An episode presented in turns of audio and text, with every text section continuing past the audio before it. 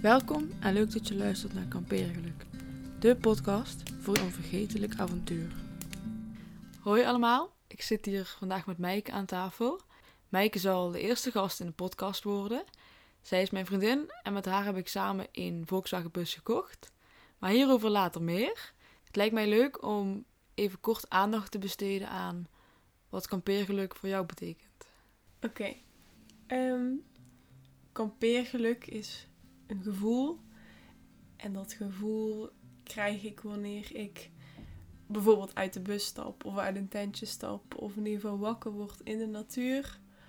Minimalistisch, niet te veel spullen, mooie vogels om je heen, vogelgeluiden, het liefst water.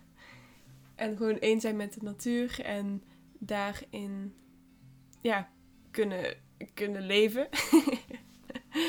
Niks moeten, blij zijn, dankbaar zijn. Het liefst is dat met mooie en fijne mensen om me heen.